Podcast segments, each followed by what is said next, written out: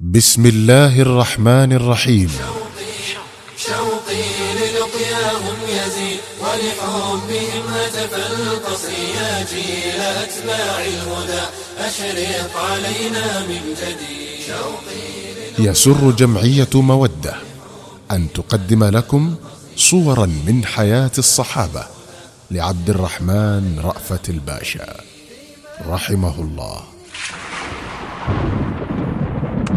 عثمان بن عفان رضي الله عنه. هم قادة الدنيا فمن قادوا ولا عرفوا المحيط. هم أسوة الإنسان في الأقوال والفعل السديد. لا ليس نرضى أن ينادوا من قريب أو إنه ذو النورين وصاحب الهجرتين وزوج الابنتين. عثمان بن عفان رضي الله عنه وأرضاه. كان عثمان بن عفان رضوان الله عليه في الذروة من قومه في الجاهلية فهو عريض الجاه وافر الثراء سابغ النعمة جم التواضع شديد الحياء. فأحبه قومه أشد الحب وأصدقه حتى إن المرأة من قريش كانت ترقص صبيها الصغير وتقول أحبك والرحمن حب قريش لعثمان. ولما أهل الإسلام بنوره على مكة كان عثمان من السابقين إلى الاستضاءة بمشكاته. ولإسلام عثمان بن عفان قصة ما زال يرويها الرواة. ذلك أنه حين بلغه في الجاهلية أن محمد بن عبد الله زوج ابنته رقية من ابن عمها عتبة بن أبي لهب ندم أشد الندم لأنه لم يسبق إليها ولم يحظ بخلقها الرفيع وبيتها العريق فدخل على أهله مهموما فوجد عندهم خالته سعدى بنت كريز وكانت هذه امرأة حازمة عاقلة طاعنة في السن فسرت عنه وبشرته بظهور نبي يبطل عبادة الأوثان. ويدعو إلى عبادة الواحد الديان ورغبته في دين ذلك النبي وبشرته بأنه سينال عنده ما يبتغيه. قال عثمان فانطلقت وأنا أفكر فيما قالته خالتي فلقيت أبا بكر وحدثته بما أخبرتني به فقال والله لقد صدقت خالتك فيما أخبرتك وبشرتك بالخير يا عثمان. وإنك لرجل عاقل حازم ما يخفى عليك الحق ولا يشتبه عندك مع الباطل. ثم قال لي ما هذه الأصنام التي يعبدها قومنا؟ أليست من حجارة صم لا تسمع ولا تبصر؟ فقلت بلى. فقال وإنما قالته خالتك يا عثمان قد تحقق فلقد أرسل الله رسوله المرتقب. وبعثه إلى الناس كافة بدين الهدى والحق. فقلت ومن هو؟ فقال إنه محمد بن عبد الله بن عبد المطلب. فقلت الصادق الأمين. فقال أبو بكر نعم إنه هو. فقلت فهل لك أن تصحبني إليه؟ فقال نعم. ومضينا إلى النبي عليه الصلاة والسلام. فلما رآني قال أجب يا عثمان داعي الله فإني رسول الله إليكم خاصة وإلى خلق الله عامة. قال عثمان فوالله ما إن ملأت عيني منه وسمعت مقالته حتى استرحت له وصدقت رسالته. ثم شهدت أن لا إله إلا الله وأن محمدا عبده ورسوله. لم يؤمن بالرسول عليه الصلاة والسلام أحد من قومه بني هاشم حتى ذلك اليوم غير أنه لم يكن فيهم أحد يناصبه العداء غير عمه أبي لهب. فقد كان هو وزوجه أم جميل من أشد قريش قسوة عليه وأعنفهم إيذاء له وتنكيلا به. فأنزل الله فيه وفي امرأته تبت يدا أبي لهب وتب ما أغنى عنه ماله وما كسب سيصلى نارا ذات لهب وامرأته حمالة الحطب في جيدها حبل من مسد فازداد أبو لهب ضغينة على الرسول صلوات الله وسلامه عليه واشتد حقده وحقد زوجته أم جميل عليه وعلى المسلمين معه. فأمر ابنهما عتبة بأن يطلق زوجته رقية بنت محمد عليه الصلاة والسلام فطلقها نكاية بأبيها. ما كاد عثمان بن عفان رضوان الله عليه يسمع بخبر طلاق رقية حتى استطار فرحا وبادر فخطبها من رسول الله عليه الصلاة والسلام فزوجها الرسول الكريم صلى الله عليه وسلم منه.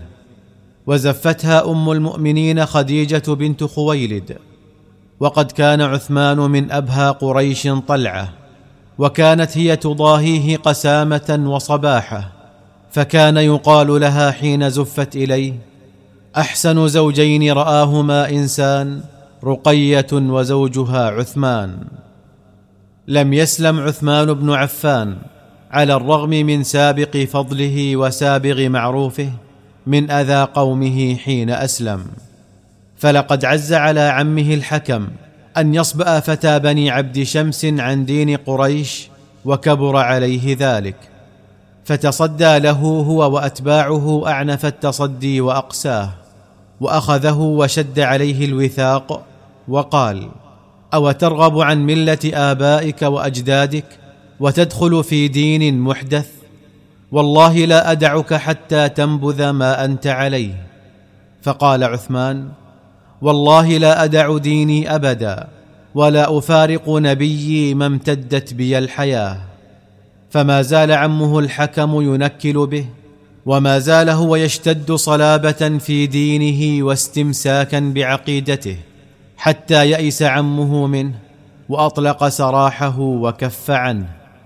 لكن قريشا ظلت تضمر له العداوة وتلحق به الأذى حتى حملته على الفرار بدينه ومفارقة نبيه عليه الصلاة والسلام.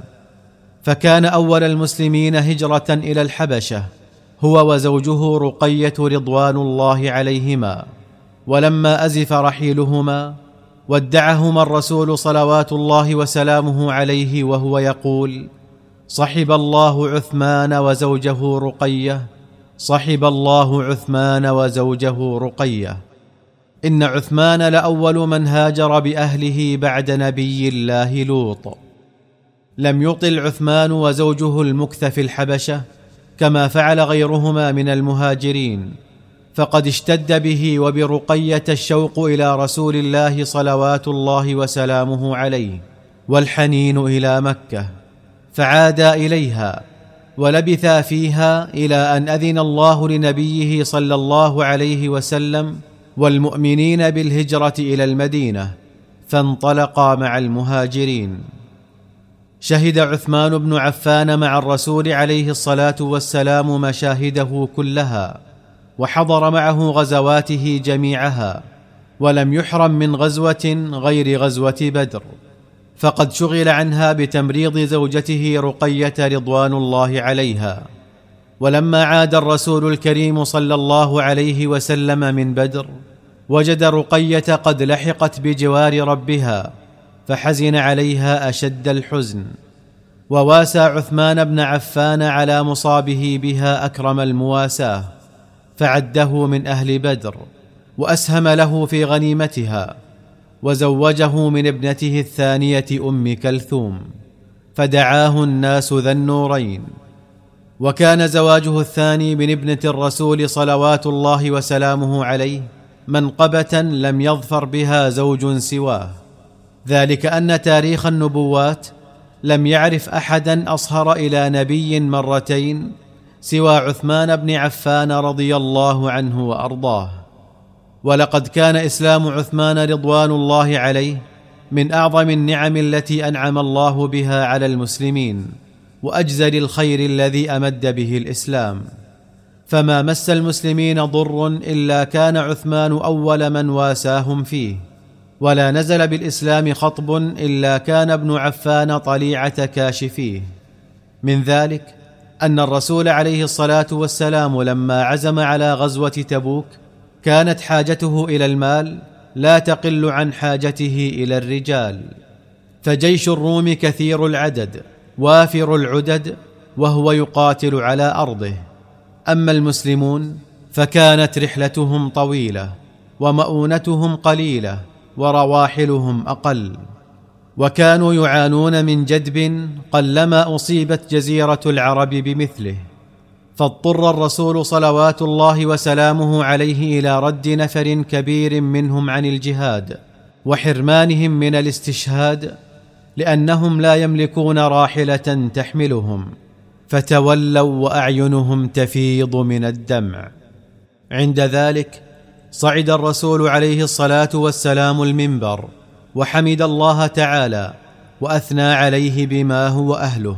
ثم طفق يحض المسلمين على البذل ويمنيهم بعظيم الأجر.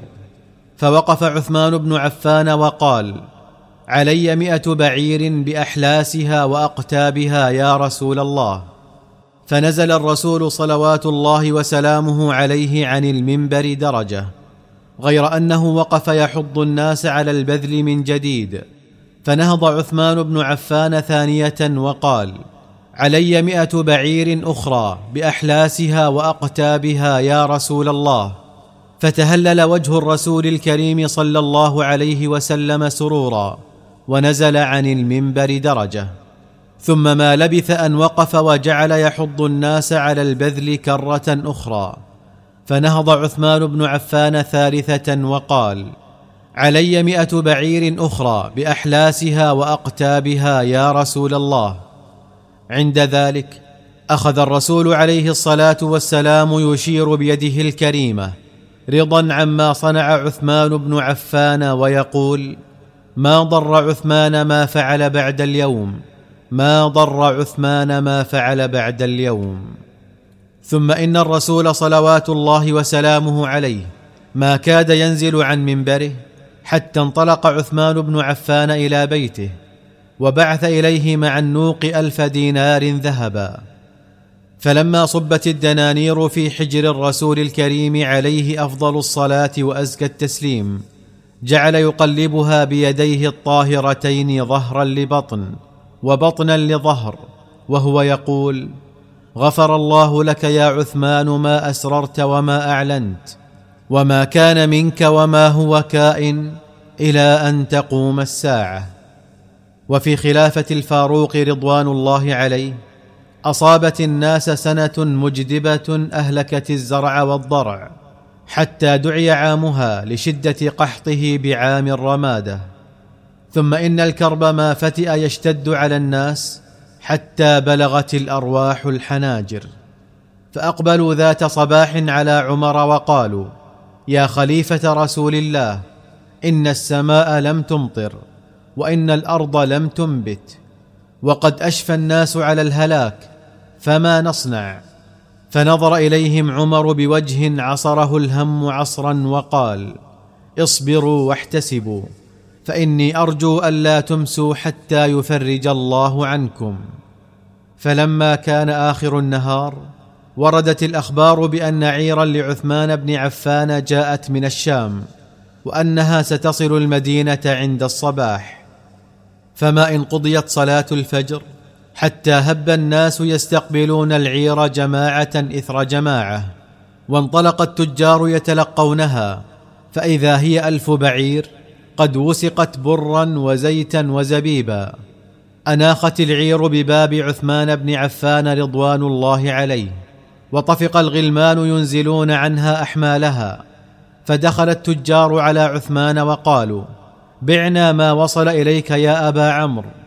فقال حبا وكرامة ولكن كم تربحونني على شرائي؟ فقالوا نعطيك بالدرهم درهمين. فقال أعطيت أكثر من هذا فزادوا له. فقال أعطيت أكثر مما زدتموه فزادوا له. فقال أعطيت أكثر من هذا. فقالوا يا أبا عمرو ليس في المدينة تجار غيرنا وما سبقنا إليك أحد فمن الذي أعطاك أكثر مما أعطينا؟ فقال إن الله أعطاني بكل درهم عشرة. فهل عندكم زيادة؟ قالوا لا يا أبا عمرو. فقال إني أشهد الله تعالى أني جعلت ما حملت هذه العير صدقة على فقراء المسلمين. لا أبتغي من أحد درهما ولا دينارا وإنما أبتغي ثواب الله ورضاه.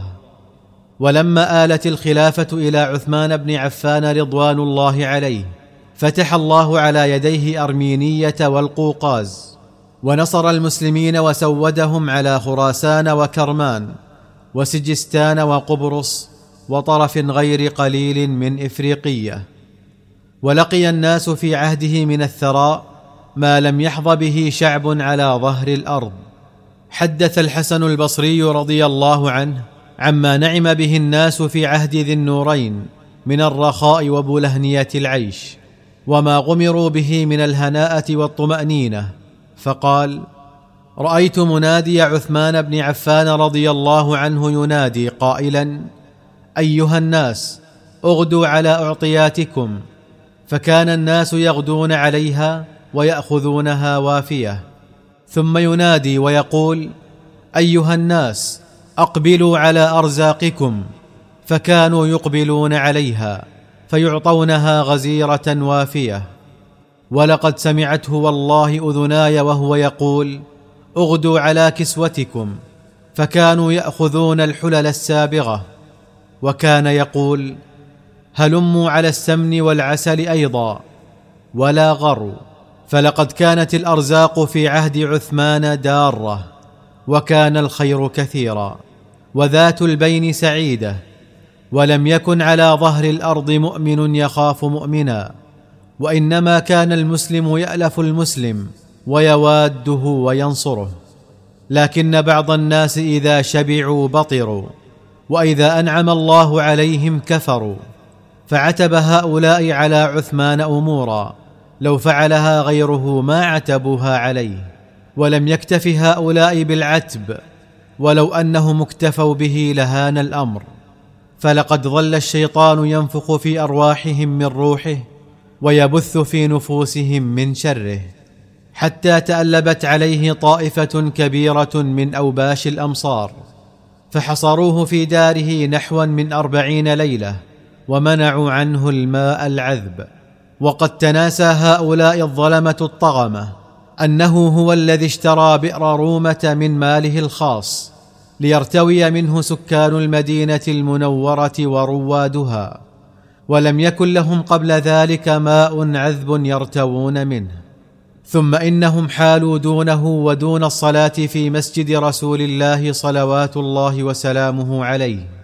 وقد تعامى هؤلاء عن أن ذا النورين هو الذي وسع ثاني الحرمين من خالص ماله ليتسع للمسلمين بعد أن ضاق بهم ذرعا.